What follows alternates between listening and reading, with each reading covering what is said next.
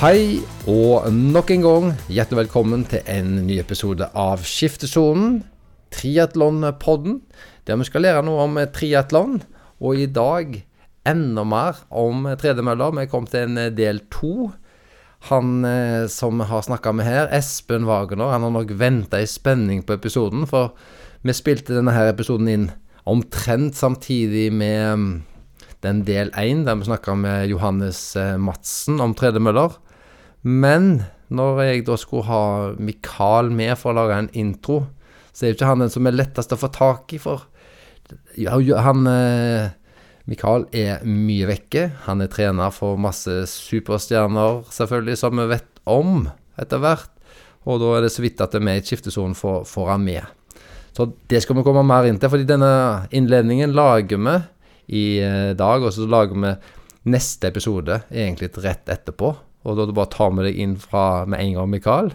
Eh, bare sånn at du får si hei. Hallo, Sverre. Takk for sist.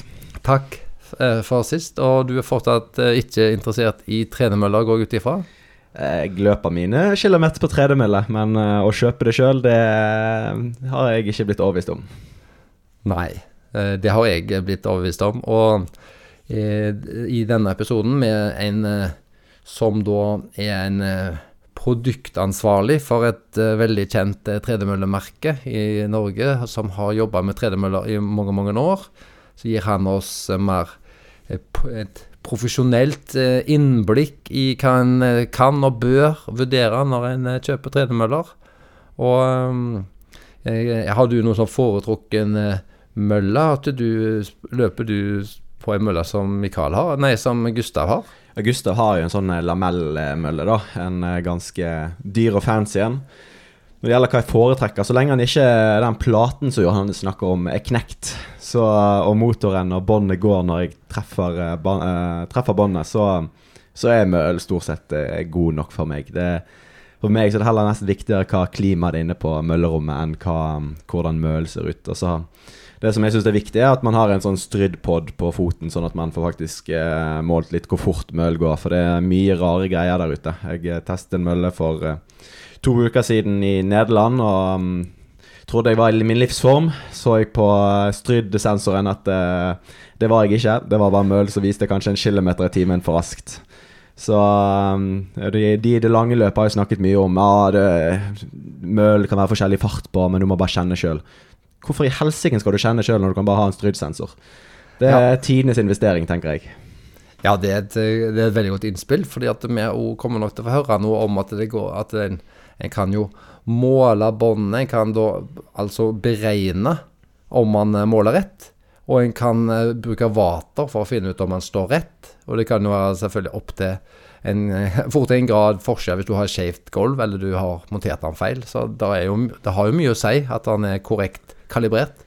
Det har veldig mye å si, uh, men istedenfor å reise rundt med et svært målerapparat i bagen din når du er på tur, så er det bare å ha en uh, eh, 15 grams uh, strydpod i, i lommen istedenfor, og feste den på skoen. Så um, det anbefaler jeg veldig hvis folk skal løpe en del på møller og ender opp med å løpe på litt, litt forskjellige møller, da.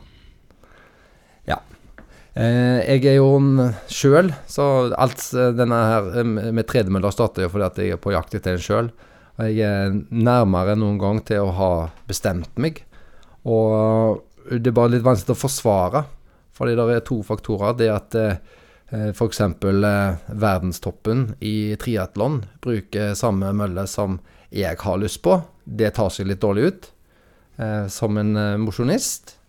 Eh, og så har jeg eh, forstått at eh, en av grunnene til at det er noen sinnssyke priser nå på tredemøller, det er jo eh, Eh, ja, det er jo at det er vanskelig å få tak i, punkt én, men er transportkostnadene.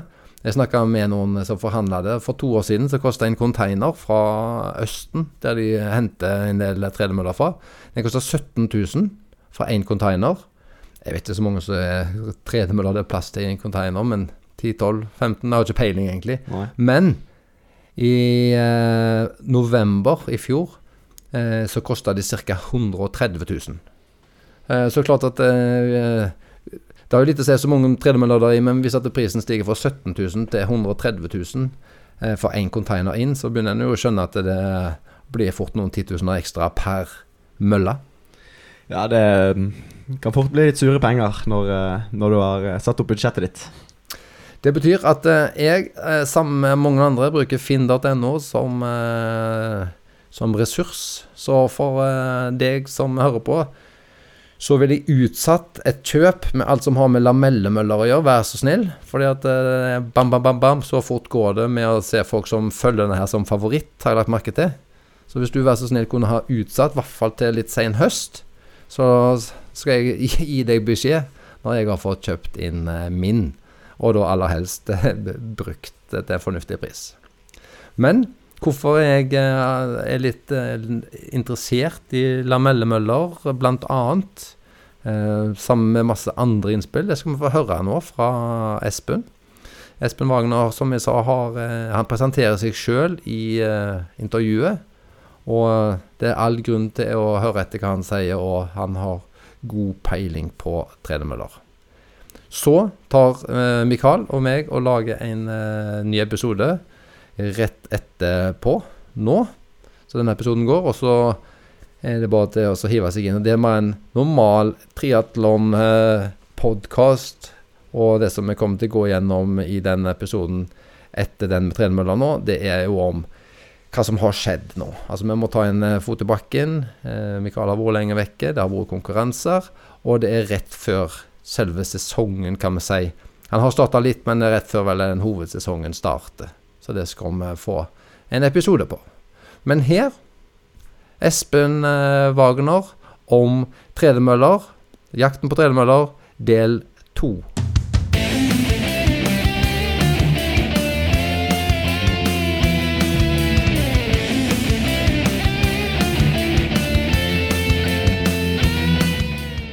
Da vil vi i skiftesonen Triatlonpodden ta imot en eh, ny gjest. Vi driver jo på med denne tilnærmingen som har med tredemølla, kunnskap om tredemølla, hva skal en velge, hva skal en ha dersom en ønsker å ha dette her privat eh, hjemme. Og det er jo sånn at vi driver jo på med triatlon mange eh, her, og vi har fått tak i en ekspert som er her av tre grunner. For det første så er han svært triatloninteressert, aktiv triatlonutøver sjøl. Han er produktansvarlig for et eh, la oss si et tredemøllemerke. Vi skal komme inn på hva merket det er. Og den tredje tingen er at han er en ivrig lytter av Skiftesonen Triatlonpodden i tillegg. Så tre gode ting har vi fått tak i som eh, denne gjesten da innehar av eh, kompetanse. Og det er da sjølveste Espen Wagner. Og velkommen til Skiftesonen Triatlonpodden, Espen. Jo, tusen takk. Det var, eh, det var, hyggelig å bli invitert, selv om jeg nesten inviterte meg selv. Ja, men du, eh, du, eh, inviterte Du sendte en melding der du orienterte om at du var en ivrig lytter. Check. Du var veldig triatloninteressert, og det vet vi, for vi har hørt om deg og sett deg før. Punkt to. Og så har du nå en spisskompetanse med at du jobber med eh, tredemøller som produkt, som eh, produktansvarlig for Woodway i Norge. Så det, det var nå en god grunn til å få dem med, Oda.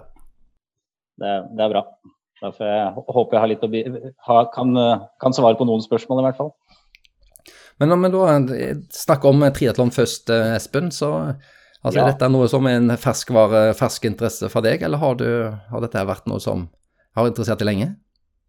Triatlon har nok eh, interessert meg veldig lenge. Jeg kjørte min første triatlon i eh, Oslo Triatlon i 1990.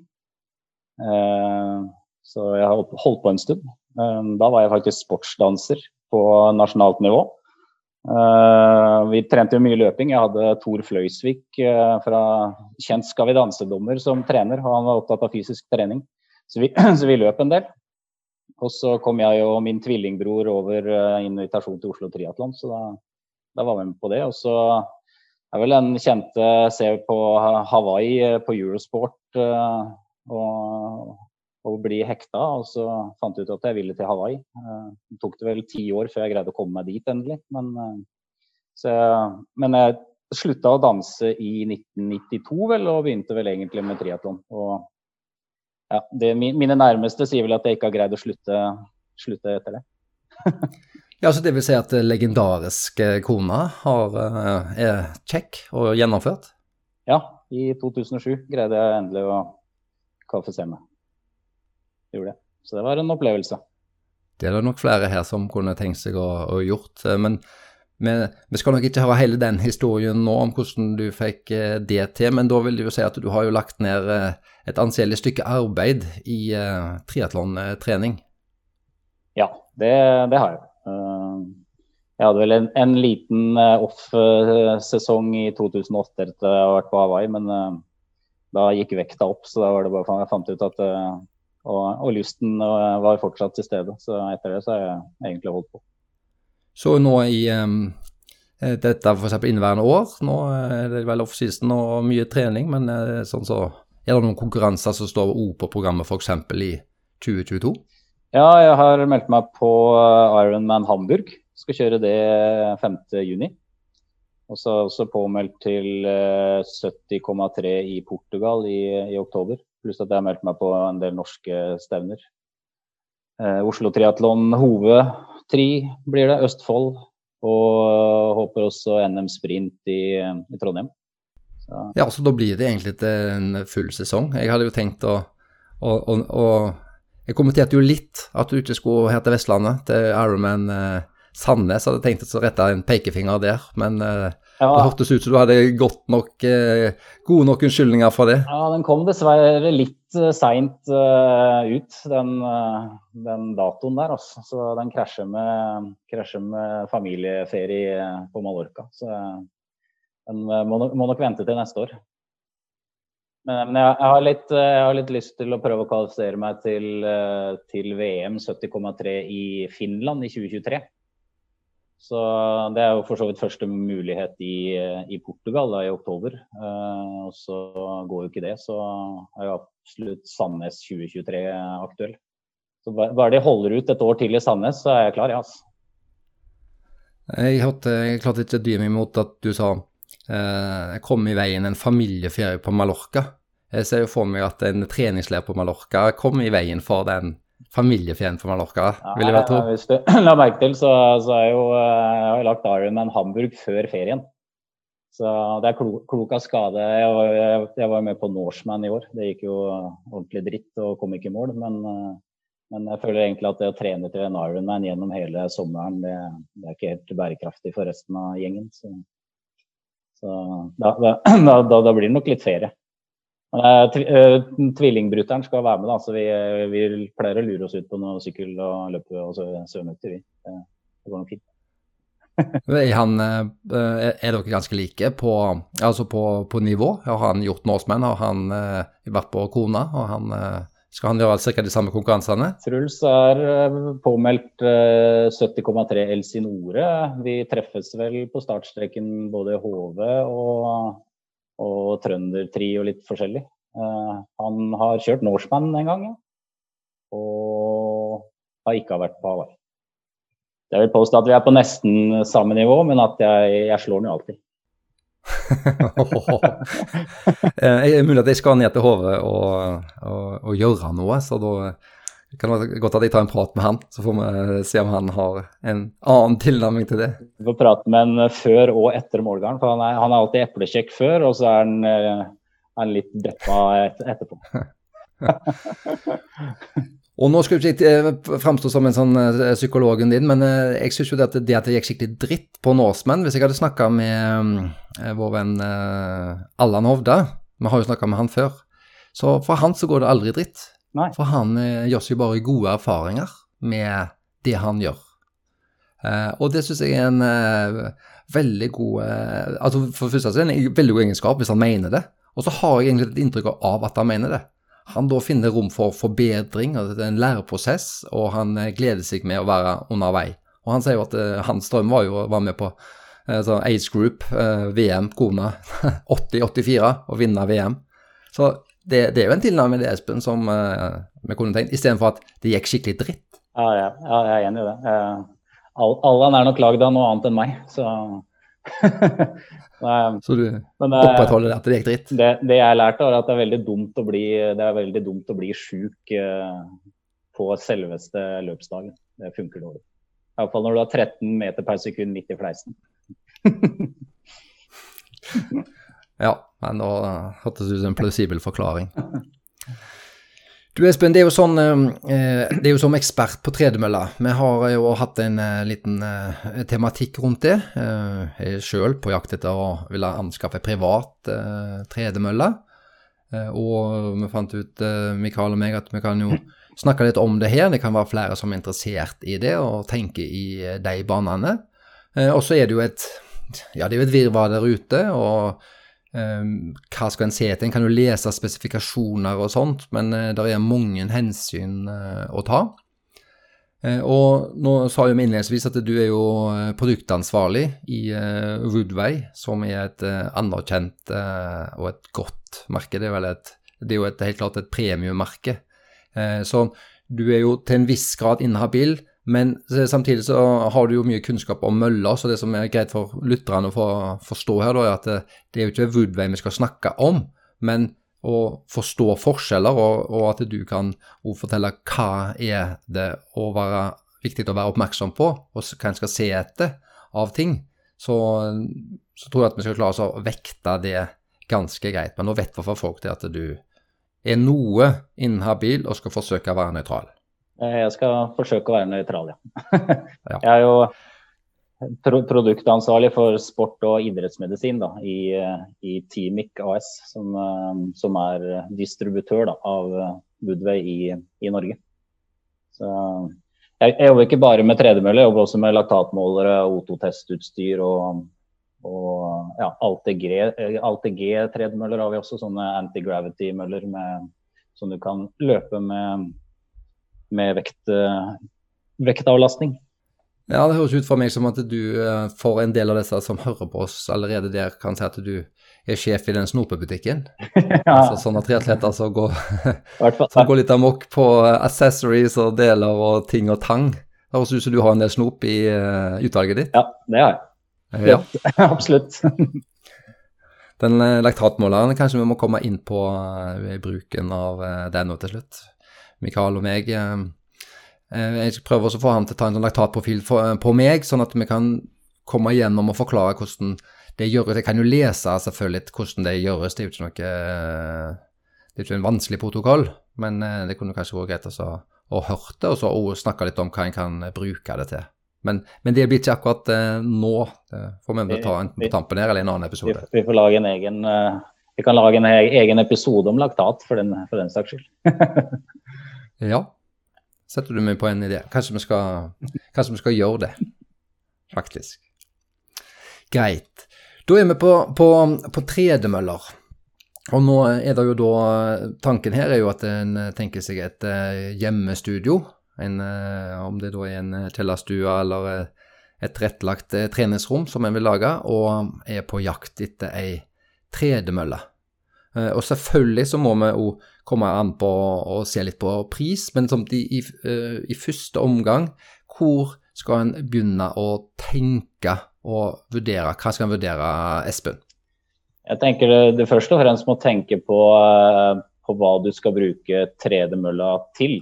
Eh, de fleste som driver med triatlon ser jo for seg at de skal løpe, men du må også se litt an på Altså hvor er du nå i forhold til hva du trenger av uh, hastighet, uh, og hvor uh, har du lyst til å komme i forhold til hva du trenger av hastighet. som alt mulig annet så på tredemøllemarkedet så, så, får du jo egentlig det du betaler for. du har tredemøller helt nede i under 10 000 kroner, og du har da har da helt opp til, eh, til high end-møller som koster 150 eh, 000. Eh, så det er et veldig spenn der. Og selvfølgelig de high end-møllene er jo kanskje de du finner på treningssenteret. Men også ser vi at det markedet, markedet øker. Men jeg ville starte med å se på hva du trenger av, av hastighet, og ikke minst kraft på, på motor. Eh, klarer du deg med 16 km i timen, må du ha 20, eller eh, må du også opp på 22 eller 25 km i timen da, for å få den, den hastigheten du, du, trenger. Men for å dvele med den med en gang, er det sånn at uh, hvis du uh, er en som er tett opp mot 18 km i timen, er det da tilstrekkelig å finne en mølle som går til 18? Eller er det som så mye annet at en bør se og ha litt ha noe overflod eller nye, noe kraft å gå på? Det som ofte avgjør um, hastigheten på, på, eller makshastigheten på en mølle, er jo styrken på motoren altså hvor mange hestekrefter den drar. Og du, altså det du kan oppleve hvis du skal løpe på 16, og, og det er den maks på mølla, er at han begynner å lugge litt kanskje før du kommer til 16. Ja, så du vil allerede før maksen så vil du merke at han begynner å nærme seg begrensningen sin? Ja, det vil du. Men vi har òg forstått at dette er jo noe det skal tas hensyn til. Men, eh, men eh, vi har òg sett at det, det, er forskjellige motorer. Altså Noen eh, snakker om AC og DC, og så er det en del hensyn å ta for hvorfor du skal velge AC, som vi har forstått er å lese at det, det er den beste. Men, men det finnes jo DC, som òg er i markedet, som, som leveres fullt lovlig og, og sånn. Hvem skal velge AC, hvem skal velge DC? Jeg, jeg tenker eh, DC egentlig eh, bør velges hvis du ikke skal løpe veldig fort og ikke skal bruke mølla veldig mye. Eh, det er en likestrømsmotor, og mange av de fungerer jo veldig bra. Men du ser jo at alle møllene som, som går til treningssenterbruk omtrent, de har jo en AC-motor. AC så det går, går litt på, på, det. Men sa du at eh, en bør velge DC, eller kan velge DC? Du kan velge DC, men jeg, du, har, du, har, du, muligheten, så ville jeg valgt en vekselstrømsmotor, altså en AC. Og da er det Du sa at en, en av vurderingene er så mye en skal bruke altså det er ikke nødvendigvis toppfarten, for du kan vel òg få en DC som går fort nok men det er da kanskje bruken og, og, og mengden. Ja. Eh, og da er det da enkelttur, altså sammenhengende, eller er det til dagen? Så la oss si at du, si at du kjøper du er en familie da, på fire-fem som ønsker å disponere denne her eh, i løpet av en, si en ettermiddag, men ikke nødvendigvis på rappen, da. Mm. Eh, er det et, eh, å vektlegge at en eh, ja, bør f.eks. tenke på AC? Hvis, hvis, du skal bruke en altså Jeg vil jo tro at de fleste tredemøller i hjemmebruk blir brukt fra middagstid og, og utover kvelden. I hvert fall for en familie på fire. Og da, da, går den jo egentlig ganske tett, så da ville jeg valgt en AC-motor. AC blir det mer spredt bruk, så, så kan du gå for en DC-motor. Ja, ok. Så da, det, da, tenker du den spredte brukeren, den som kanskje bare er én eller to som skal bruke den, og trene en eh, liten time to-tre dager i uka, så er vi godt innafor med den DC-varianten. Ja, det er det. I hvert fall opp til en, fall opp til en viss hastighet. Ja, men hvis at du er en relativt rask utøver, eh, og en ser at det er en DC-motor som går i 22, Mm. Og det er mer enn nok. La oss si at du er sånt uh, intervaller på 18-19. Mm. Er vi fortsatt der at det er nok? Altså Hvis du har 22 å gå på, så, så er det plenty? Eh, ja, det er det. Ja. Det, det, du skal være litt oppmerksom på, er at den, eh, den kanskje, kanskje sliter litt mer med å holde jevn hastighet. Og vi ja. ser også litt erfaring med DC-motorer over tid. At de faktisk eh, altså Hvis du skal sammenligne f.eks. til hvis du bruker laktatmåler eller puls, at eh, de, eh, de, endrer seg i hastighet eh, jo eldre mølla blir. Det holder seg nok bedre på en AC-motor. Har jo òg med noe å fange opp at det, det er litt, litt ulikt lydnivå. Altså det kan være mer støy i en eh, DC-motor versus en AC. Ja. Det er nok fordi den må, den må, den må dra litt mer hver gang, du, hver gang, du, lander og du får friksjon mellom beltet og, og plata under beltet. Så må den trekke litt ekstra.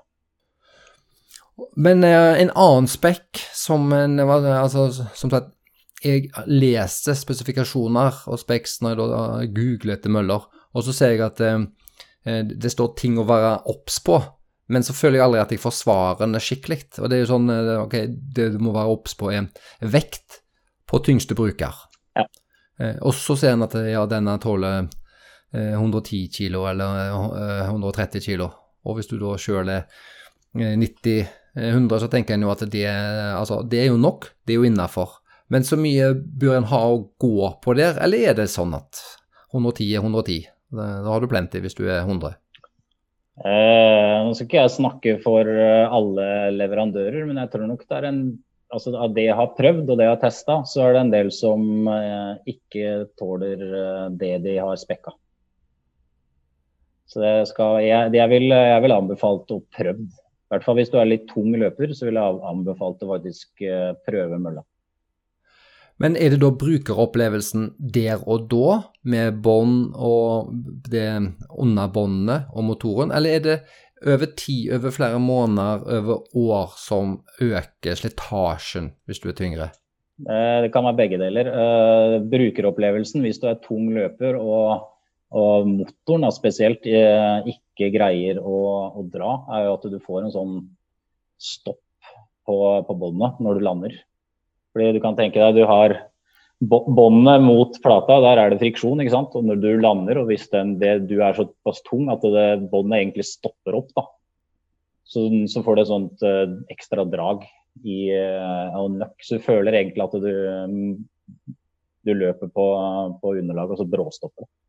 Så det, det, det, det, vil jeg teste. Det er jo førstehåndsopplevelsen. Og så selvfølgelig slitasjen uh, i forhold til uh, dempinga på, på plata og, og, og, det under. Da. At han, han, vil jo bli mer slitt.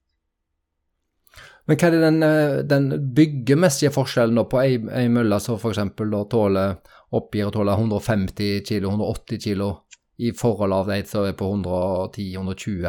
Er, er, det, er det byggeforskjellen det står på, eller er det bare motorkraft? Eller det er begge deler? Det er også byggeforskjellen. altså at du har en, uh, Hva ramma er lagd av. Om du har en aluminiumsramme eller om du har en stålramme, eller uh, ja, hvor solid den er bygd. Og også den på en vanlig konvensjonell mølle da, med plate og, og, og bånd rundt, så, så, vil jo også den plata under uh, båndet og selve båndet være viktige faktorer i forhold til slitasje. Når vi da ser på dette med bånd eh, Da er jo eh, Vi kan jo starte med størrelse, først og fremst. Ja. Altså Det sies jo selv at det er jo lengre bånd og bredere bånd Til en viss grad så blir kanskje eh, mølla eh, lengre. Men for, eh, det står jo at en, må ta hensyn til det. Du skal se at eh, så høy er du. Eh, men så føler jeg at det er vanskelig å finne svaret. Mm. Altså Det står bare at du skal ta hensyn til så høy du er. Eh, og så fort du skal løpe. fordi jo fortere du løper, jo bredere vil du ha mølla. Eh, fordi selvfølgelig at du føler at du tråkker utafor og sånn. Eh, men så syns jeg det er vanskelig å finne at ja, jeg kan ta hensyn til at jeg er en 88. Eh, men må jeg ha da 140, 150, 160 cm lengde? Hvis jeg skal løpe 18 km i timen, skal jeg ha da 50 eller 55 bredde? Altså, Jeg føler aldri jeg får svaret på, på det. Nei, det er fordi vi alle har forskjellig eh, løpestil og løpesteg. da, eh, Og, og steglengde. Den er jo veldig individuell. Så, men jeg, altså, hvis du er en relativt rask løper, da, altså du skal begynne å løpe ja, 12-13-14-15 km i timen, så ville jeg, ville jeg, gått for et bånd som, eh, som, var opp mot ja, i hvert fall over 1,20 og gjerne opp mot 1,50 for å få, få lengden. Jeg ville aldri valgt en tredemølle til å løpe på som var, var smalere enn 50 eller 55 cm. I hvert fall er 50 cm i, i bredde.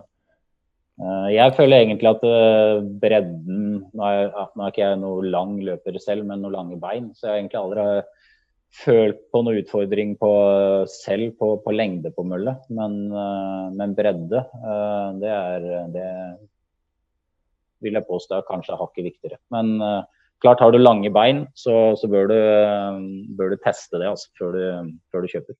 Og, te og te te teste det på en, en, skikkelig hastighet. Ja, så du tenker typisk at det blir mest synlig selvfølgelig på type intervalløping, da. Ja. Der du er kanskje, som du sa, oppe i 12 og 15 og 17 kanskje noen. Ja. og 20. 1,50 eh, er det da Snakker vi da 1,80 høye utøveren? Ja, da bør du opp på 1,50, altså. Det bør du. Ja. I hvert fall på en van, vanlig, hvert fall på en van, vanlig konven, konvensjonell mølle hvor du har motoren, uh, motoren foran. Uh, hvis du går over på lamellmøller, så er det litt annerledes. For der har du jo hele løpebåndet å løpe på. Eller altså hele lengden på mølla å løpe på. Så kan du Ja, løpe men- litt, litt men er lenger fram på, på båndet. Men den, eh, den eh, lengden som oppgis på løpebånd, er til det løpeflaten? Jo. Eh, ja, Det det. så hvis det oppgis 150 cm der, så er det løpeflaten, selv om mølla i seg selv nok kanskje er lenger da på en konvensjonell mølle med vanlig løpebånd. Ja, Men uh, så har det altså de, de, de måler jo fra start på, på løpebåndet på, eh, på, en, eh, på en konvensjonell mølle. Og du kan ikke løpe helt fram på den, for da, da løper du og sparker i, sparker i motorkassa. Så det, du må ta hensyn til det òg. Og da hopper vi, når vi har hatt lengden og bredden, så hopper vi over på kvalitet på bånd. Og da tenker jeg at vi må først snakke om bånd, og så kan vi snakke om den, eh, den andre teknologien, som er eh, lameller. Ja. Eh, men hvis vi da eh, eh, ser på bånd eh, Når en er og ser etter ei løpemølle på en butikk, så føler jeg jo kanskje ikke det står er det standardkvalitet på bånd? Eller jeg vet ikke om jeg føler at det står noe spesifikasjonsmessig om hva kvaliteter er på båndene, tykkelse på bånd og sånt. Er det å finne? Det er veldig sjelden å finne. Det er det. Dessverre. Er det da at jeg må bare ha tillit til at eh, jo mer du putter i, eh, jo bedre bånd får du, eller er det en standard? Eh, Du må nok eh, ta høyde for det at du får bedre bånd jo mer du betaler. Ja. Men du kan også se litt på båndet og så, sjekke på tjukkelsen. Og ikke minst sjekke på, på søm, da, for hvor det er, hvordan det er skjøta. Jeg har jo sett noen av de aller rimeligste møllene hvor du, hvor du faktisk har en så tydelig skjøt på båndet at uh, når den ruller over tro- trommelen uh, foran eller bak, så får du en sånn eh, dumpelyd i, i mølla. Så, så Ja, og det er ikke greit. det er ikke greit. Uh, og det er jo en visuell sjekk, men er det da å ta på, kjenne på? Ja. Kan du måle tykkelsen på, på den sånt for vanlige folk? Ja, du kan jo det. Tar du med deg tommestokk, så, så, så kan du det. Ja, det er så enkelt. Altså, men vi snakker jo i størrelsesorden 1, 2, 3, 4 millimeter. Det, det, det, det, er, er liten forskjell. Men eh, du kjenner, kjenner litt på, på egentlig spennene også. fordi hvis, hvis du får se, se på en mølle hvor, hvor båndet liksom er spent så hardt at, eh, at eh, det nesten står i spenn, da, at det nesten ikke er nedi, nedi plata, så, så er det litt tegn på at det kanskje fort blir slakt. At det ikke er eh, beste kvalitet. Men løpebåndet, er det et produkt som, eh, som, som skifter Altså Er det vanlig at det skiftes? Er det en sånn forbruksvare som, eh, som at en bytter dekk på, på bilen, eller er det sånn en tenker at en, når det er utslitt, så er en ferdig? Da, da sannsynligvis jo motoren godt. Eh, nei, det er en ting som, eh, som kan byttes, og som re- regel bør byttes. Og, og er det, er det typisk Ja, det spørs jo selvfølgelig så handy en er, da, men eh, er det vanlig eh, bytte en sånn halvveis handy fyr det, eller er det sånn som bør gå inn for å holde på service og servicetider og garantitid og sånt? Jeg vil tro at er du bra handy og god teknisk, så greier du å gjøre det selv. Utfordringa er jo å få det til å gå rett når du setter på, en, setter på nytt bånd. Sånn at det ikke begynner å dra eh, mot en av sidene på tromlene, for da, da drar det jo til inn i kanten, og så blir det ødelagt. Så jeg vil nok kanskje anbefale å bruke, bruke servicepersonell på det. Hvis du ikke er veldig god til å skru. Er det andre ting som en kan eh, se på for å finne ut kvaliteten på det båndet, og eventuelt tykkelsen, all den tid at dette her at det står litt lite om det i eh, spekken? Eh, Det du kan se på er om eh, mølla trenger smøring eller om man er selvsmørende. Det har, har litt å si. Gjerne på møller som du begynner å dra på litt flere lapper på, så, så, smører du seg selv. Mens de rimeligere møllene, der trenger du jo en sånn oljesilikonblanding som regel for å, for å smøre under da, en gang i måneden eller, eller annenhver måned. Litt avhengig av hvor mye du bruker. Oh ja. Er de da sjølsmørende på den måten at det kommer smurning ut, eller er de sjølsmørende på den måten at de er lagd på en sånn måte at de ikke trenger smøring? Nå er de er det vel lagd de fleste sånn at de, de ikke trenger smøring. Ja. Og Det kan også være lurt å sjekke, i hvert fall når du har hatt mølla en stund, da, uh, sjekke under båndet at det ikke er noe slitasje på uh, plata. For det, det blir fort, uh, fort dyrt, og da får du fort lugging også. Da, da, trenger den som regel mer smøring, ellers er den feil, feiljustert på spennet på, på båndet.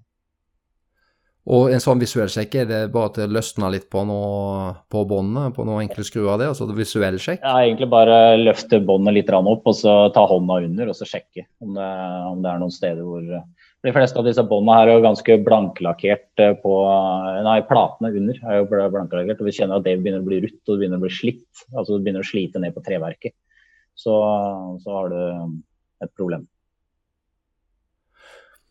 Men så hopper vi over på den, den andre teknologien på, på løpebånd. Eh, det vil si ikke løpebånd, men eh, det som da heter lameller. Ja. Altså det er tversgående. Hva kalte du det? Eh, lamellmøller. Lamellmøller, ja. ja. ja. Bel beltemøller. Eh, det er jo eh, Der må jeg være så ydmyk å si at det er jo Woodway som er, er opphavet til lamellmøller. Eh, og som var de første som lagde lamellmøller, og hadde patent på det helt fram til 2016-2017. Eh, og så er det jo nå når patenten har gått ut, så, så kommer det jo kopier. Så, men det er jo i praksis, hvis du tenker deg egentlig en beltevogn, da. Så løper du jo på et belte. På Woodway-møllene så er det jo 60 lameller da, i hele, hele beltet, og så ligger jo Motoren på tredemølla ligger jo på, på siden i, av mølla. Du har ikke noen motor som er foran beltet ditt. Og så går jo da beltet på, på drivverk med kulelager. Um, uh, som gjør at du, du, du, slipper å ha et, et bånd og en plate. Du løper rett på et belte da med, med lameller. Så det vil si at det er ingen friksjon mellom noe her? Den skal ikke, da, da skal ikke ja, han skal ikke treffe noe i det hele tatt. Nei, det er riktig. Uh, og det gjør jo at uh, for det første så er det jo bedre demping i den. Uh, du, du, slipper jo det unna mye slag som du får når du lander på en tredemølle med en plate, plate i bånn. Du får jo en jevnere hastighet, fordi du har jo et drag på beltet hele veien, hele veien rundt. Du har ikke en motor som hele tida må, må, jobbe mot friksjonen. Eh, og så får du jo eh, får du egentlig en, en bedre løpsfølelse. Det, det, føles det, det, har nok mye med det jevnheten å gjøre, og ikke minst at det er litt mykere å løpe.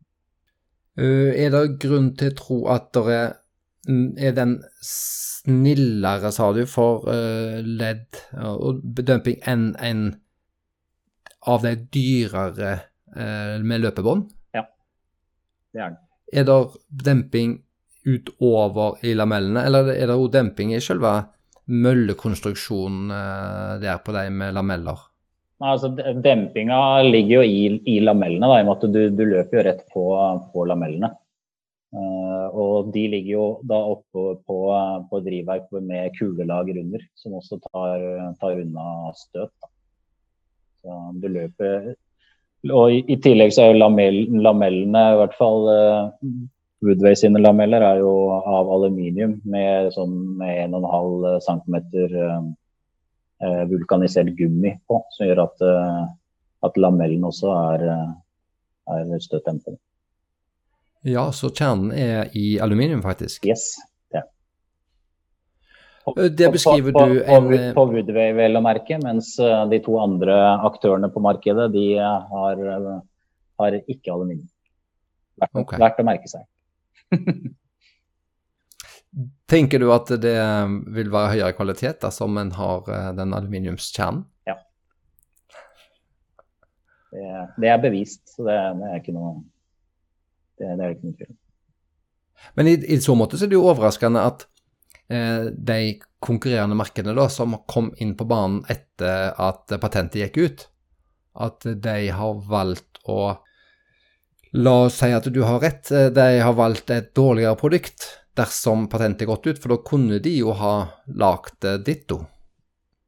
Ja, det går vel også litt på, på pris, da. Det gjør det. Eh, som I praksis nå så er det jo egentlig tre, tre lamellmøller på markedet i, i Norge. Eh, hvor eh, den ene rimeligste, den, eh, den er nok egentlig ment, eh, ment for hjemmemarkedet. Eh, men selges, i, selges og markedsføres som en treningssentermølle. Mens de to andre er er gode møller med, med god støtdemping og høy kvalitet, eh, begge to. Du beskriver et kulelagersystem, altså lamellene er festa og går rundt på kulelager. For oss som òg eh, bruker sykkelen noe, mm. så har vi jo kulelager både her og der. Eh, og de trengs jo eh, innimellom å skiftes. Eh, det er noe som en må tenke på på en sånn type lamellmølle, f.eks. Woodway i dette tilfellet? Det kan skje, men altså en, en lamellmølle er, såpass solid bygd at den, den, det beltet tåler jo 220 000 km. Og samme da med, med, med drivverket rundt.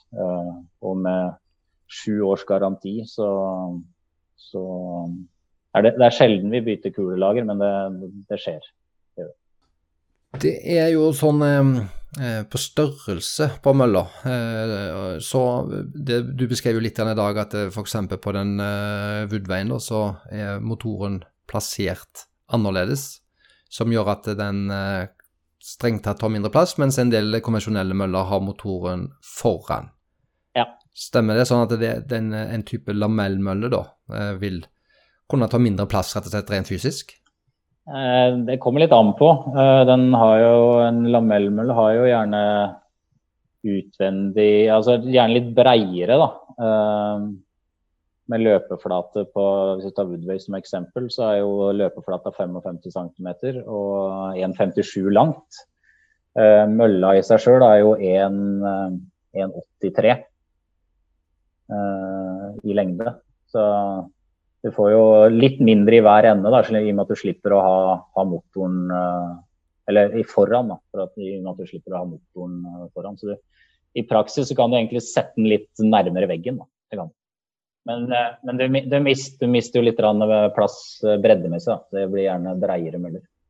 En del av de møllene jeg har sett, så er jo ofte kanskje mellom to, to meter og to, to noen og tjue. Det eh, er vel kanskje en del standardlengder på konvensjonelle møller, da. Ja, da, da sparer du 20 cm 20-30 cm på en landmølle. Ja. Som det igjen må Men du får litt mer bredde på, da. I og med at motoren sitter på siden. Men nå har vi nettopp sagt at det er egentlig bare en fordel å få litt mer eh, bredde? Absolutt, det er det. Du var, på lamellmøllene på markedet så, så, er det god, eh, god plass på, på, railen ved siden av. og det er også noe du, eller på ramma ved siden av. Da. Eh, det er også noe du bør tenke på, eh, i hvert fall hvis du skal løpe mye intervaller og mye kortintervall og hoppe av og på. Så, så er det et viktig, viktig element. Når vi da um, hopper til altså Nå har vi snakket om lameller, men hvis vi nå uh, kommer på fortsetter litt med dette med størrelse, Espen, så har vi eh, noen møller som kan slås opp, altså når de ikke er i bruk. Og så har du noen som er faste, hvis det kan eh, kalles det. Mm. Eh, er det bare Altså på, på, en måte så tenker jeg at hvis folk skal ha et treningsrom og litt kombinert rom, eh, må en masse fordeler med å kunne slå de sammen. Men så vet vi jo på verktøy, har du et multiverktøy, så er det aldri så bra som som de skikkelige verktøyene. Ja. Et verktøy som går til alt, eh, er sjelden like bra som et eh, spesialverktøy. Mm. Eh, har du noen erfaring med det innenfor møller, og det å kunne slå opp, f.eks.? Eh, jeg tenker at eh, har, du, har du plass til at mølla står der hele tida, så ville jeg kjøpt mølle møller som ikke er til å, er til å slå opp. Punktum? Er det sånn ti av ti tilfeller? Altså Har du plassen, så bør du ha en fast mølle, punktum? Ja, det vil jeg. Fordi, og spesielt hvis du vil løpe med litt incline på mølla. Fordi Eh, de eh, som du kan slå opp, de fungerer, eh, fungerer bra på, på 0% stigning når det er helt nede. Men skal du begynne å, å dra opp på 3-4-5% så vil du få litt, rann, litt rann svingninger inn. I hvert fall de jeg har prøvd. Så finnes det muligens ting på markedet som, som er fast, men jeg opplever i hvert fall det at det blir litt svikt imellom. Gjelder det da Blir det en sånn en logikk med at konstruksjonen blir jeg håper jeg, veikere, all den tid at det må jo være noe, noe som er ledda ja. her, for å kunne flytte det? Det ligger jo i det. At du, du, må ha det leddet hvor det, hvor det faktisk uh, bikker opp. Og det er jo da foran på, i ramma di på, på den mølla. Det er det som regel der du løper. og det er, Spesielt når du løper oppoverbakke, så det, drar du den litt, litt, godt fram på, på tredemølla automatisk. Så da blir det litt gygging. Når det gjelder tyngde på ei, ei mølle, så hva vurderinger skal Altså ikke på den som løper, men på selve mølla. Eh, hva den som skal ha seg ei mølle. Eh, hvor bør han i hvert fall ligge henne? Ja, da tenker jeg eh, på, på, vekt, fordi en tror jo kanskje at det, jo tyngre, jo bedre, men det skal jo hanskes med, med til en viss grad. Ja, det, det er jo det er to ting å ta hensyn til. Jeg ville sagt at eh, ja, som du sier, eh, jo tyngre mølla er, jo bedre er det. fordi jo mer stabil eh, vil den være. spesielt når du løper fort, så slipper du for det første slipper du at du får risting i mølla som, uh, som, påvirker den som løper. Men det vil også uh, redusere støy da, uh, i resten av huset. selvfølgelig avhengig av hvor du har mølla di stående. Men, men vibrasjonsstøy fra tredemølla er jo et, et problem ofte i, i privat, private hus. Og bor du i leilighet med naboer under, så er det i hvert fall noe du bør sjekke, sjekke ut nøye før du handler. Eh, så jo tyngre, jo, jo, bedre i forhold til stabilitet. Eh, men selvfølgelig, han skal jo på plass eh, et sted også. Så, men altså, vi, vi leverer møller som veier 200 kg, og vi har fått de opp de utroligste steder. Så jeg, jeg ville først og fremst tenkt på, på at, du en, at du skal ha en stabil og, og god mølle som ikke rister når du løper, og ikke irriterer kone, samboer eller naboen. Ja, fordi i det spørsmålet du brukte ordet vibrasjonsstøy, eh, er det en eh, er det en klar eh, fordel? Er det sånn at det blir mindre støy i huset hvis at mølla er tyngre? Er det, det det, du sier? Ja. Og I forhold til vibrasjon så, så er det det. Og så er det selvfølgelig eh, plata og det du lander på har også mye å si. Da, for det, det, blir jo eh, støy, eh, støy når du, i det du lander, forplanter seg også. Så Det er jo en annen del. Så det er egentlig to ting å ta hensyn til i forhold til, til støy, støy, på mølla for, for, andre.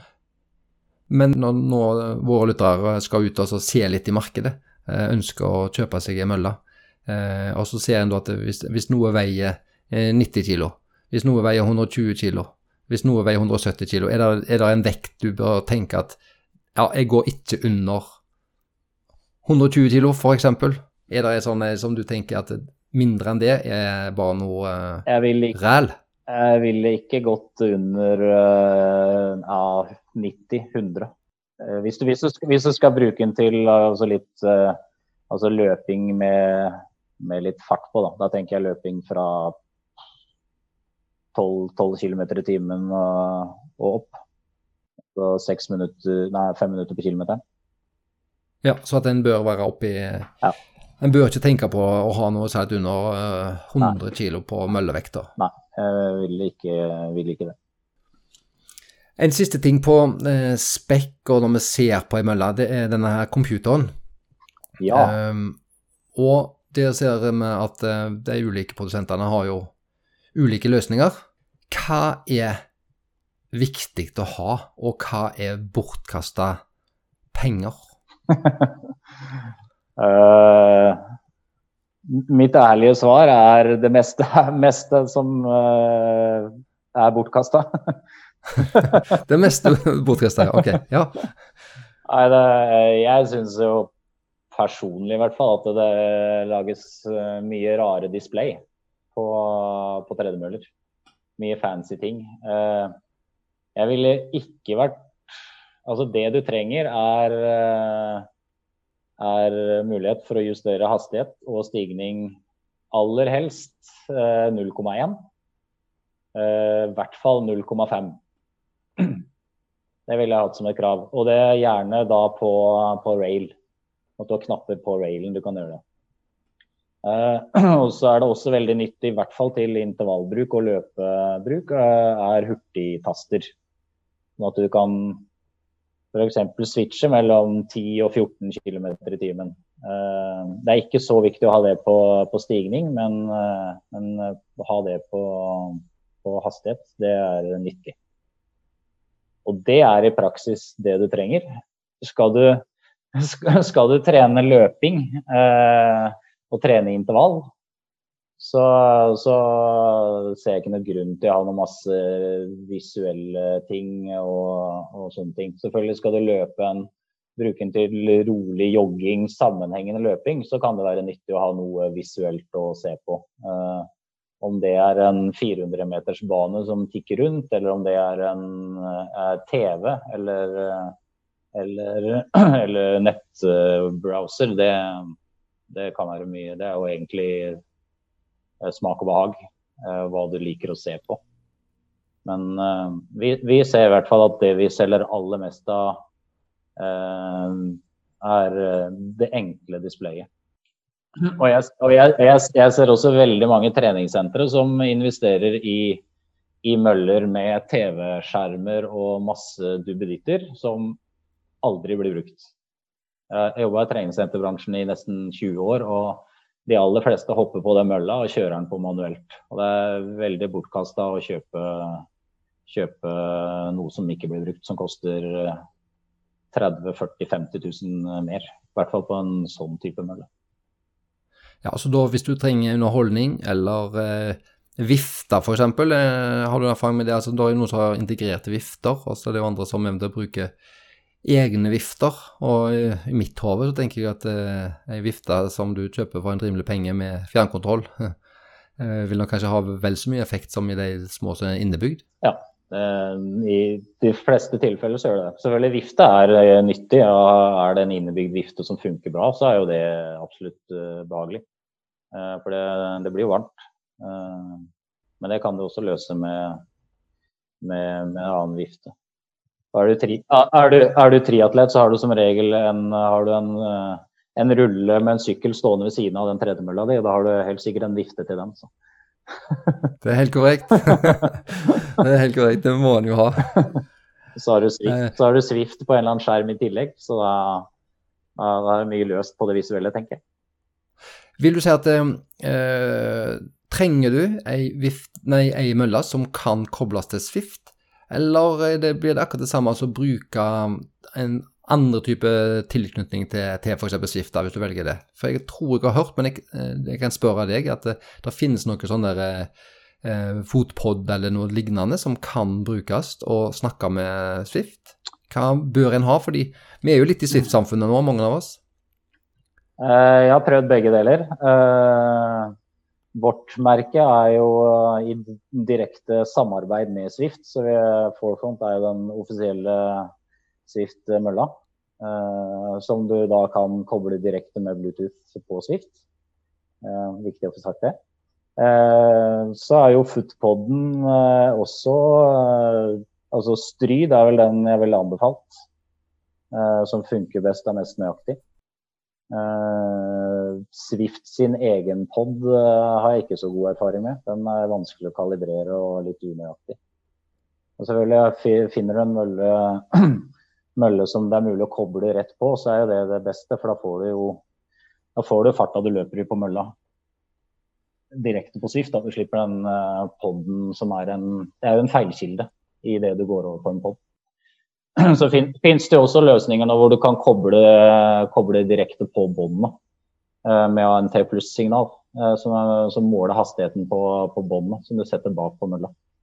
Husker jeg ikke i farten hva den heter. Men det er nok kanskje en bedre løsning enn en pod. Men den interaktiviteten som f.eks. at eh, farten styres automatisk og eventuelt eh, incline og sånn, det, der er vi ikke kommet ennå? Det får du ikke på mølle. Det tenker jeg er greit.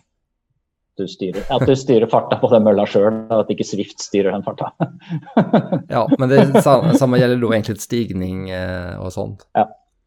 ja det, det, er jo inni, altså jeg er jo egentlig har testa mye forskjellige tredemøller på, på treningssentre og også til privatbruk. Eh, og jeg må si jeg, jeg er egentlig overraska på hvor stor forskjell det er på møller og hastighet. Eh, det er egentlig overraskende eh, hvor stor variasjon det er.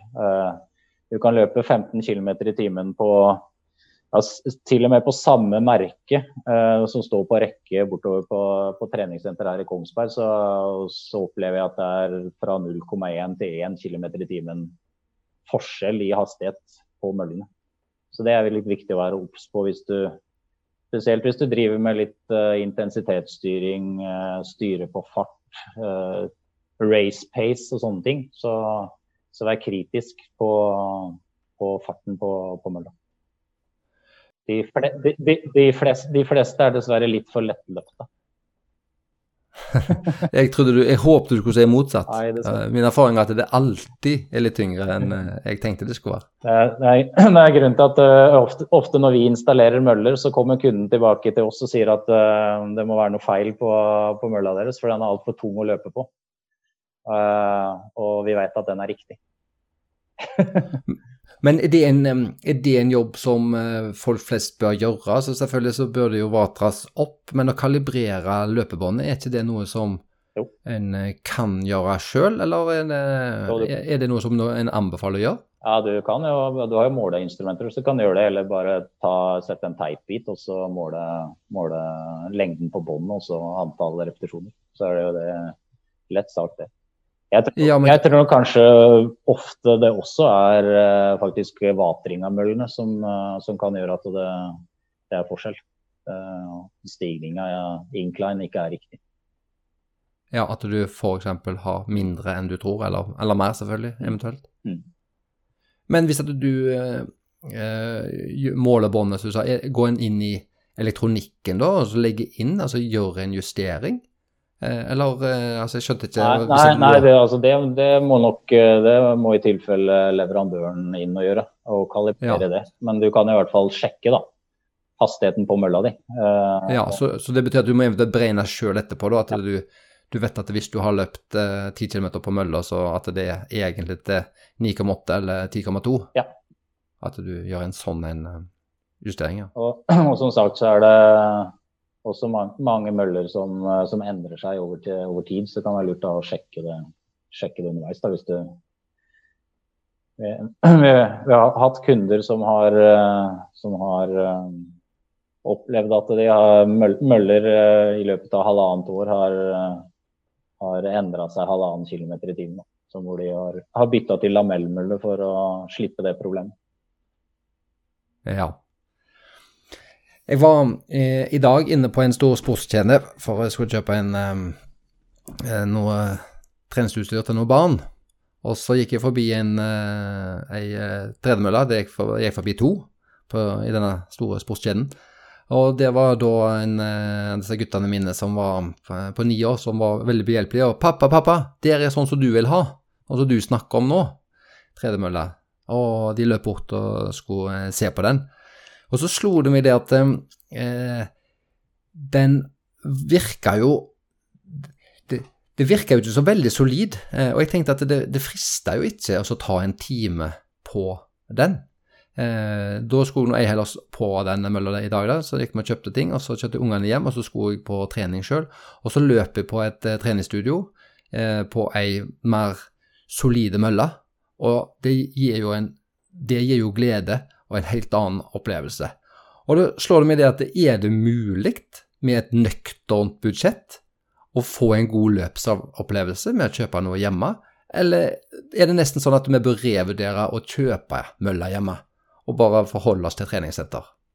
Hva tenker du om, eh, om det? Kan vi få noe løpsglede på hjemmemøller, hvis en har en Kall det en alminnelig økonomi? Eh, ja, det vil jeg absolutt påstå. Det, det, vil jeg. Men du må nok kanskje opp i en Jeg tror nok du bør opp i en i hvert fall 20 ja. 20 30 000 for å få en Men som sagt, det kommer helt an på bruk og nivå. og hva du skal bruke mølla til. Altså Skal du bruke mølla til, til rolig jogging som gjerne starter på 7-8 km i timen, og du, rangen din er derfra opp til kanskje 10-12 km i timen, så, så, klarer du deg fint med en, kanskje en mølle du kan slå sammen og med en relativt liten motor, eh, så, så, vil du få en god opplevelse med det. Men med en gang du begynner ja. å snakke løping eh, med litt høyere hastighet, eh, så bør du nok opp i en, en 20 30 000. Og så, så, så, går jo rangen da videre, og da som du har, har opplevd i dag på Nå sa du jo ikke hvilken mølle du løp på, men jeg veit hvordan mølle du har løpt på før i dag.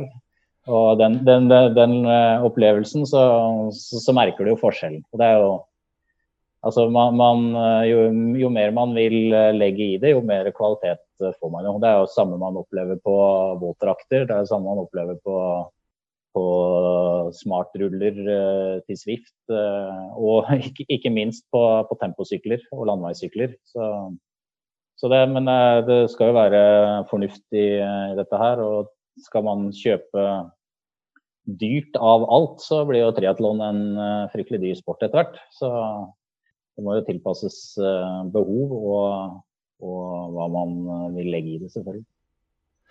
Men er du de kundene som f.eks. du har, da, som må legge noe i det, er der er der lærere og ingeniører og eh, seniorrådgivere i statlige og kommunale etater som, som, kjøper de produktene, eller blir du sett på som gal det da?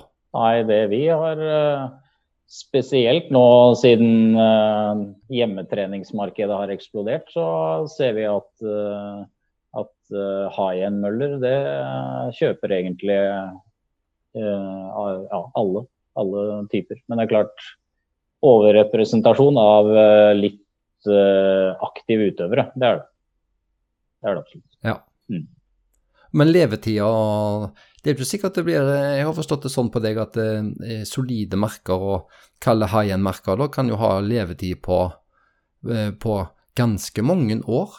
Kan vi anta 10? Kan vi anta 15? Altså sånn, selvfølgelig der er jo, eh, Garantitiden går ut etter fem eller sju år, men eh, hva, hva, kan en håpe på, nesten forvente, av, eh, av high-end-møller, hvis vi kaller det det? Eh, altså, Våre møller eh, har jo en levetid på løpebåndet og eh, på 220 000 km minimum. og vi leverer med sju års garanti. Men vi har jo møller som, uh, som vi ser går i uh, 20, ja, 20, pluss år. Uh, det har vi. Så det, det, er også en ting å tenke på. et godt eksempel på en, en, en annen podcaster i en løpepodkast som er blitt ganske populær i dette landet her. Som etter å ha slitt ut to møller til pris av 30 000 Eh, var lei av det og investerte i en, en, mølle som han regner med å ha i hvert fall i ti år. Ja. Og den så jeg eh, det var lameller på. Den, den er det lameller på. ja, jeg så det. Jeg så han løp på en liten Så i den grad at han i den, eh, populære løpepodden er normal, da, så, så, så svarer ja. At det normale folk med tilnærmet normale jobber kan kjøpe. Og du blir ikke sett på som en idiot nødvendigvis. Nei absolutt ikke. Men selvfølgelig, det, man skal ikke sette seg i, eh, i, eh, i gjeld for å, for å få drømmemølla. Det syns jeg ikke er riktig. Det er dårlig, dårlig prioritering. Men er det ikke sånn at en investering i helse trumfer trumfer det aller meste? Altså, ja, absolutt. det er klart, kjøper du litt, litt, billigere bil, så kan du kjøpe litt dyrere mølle. Ja, nettopp. Og temposykkel. liksom det er viktige tingene i livet. Det er de viktige tingene i livet.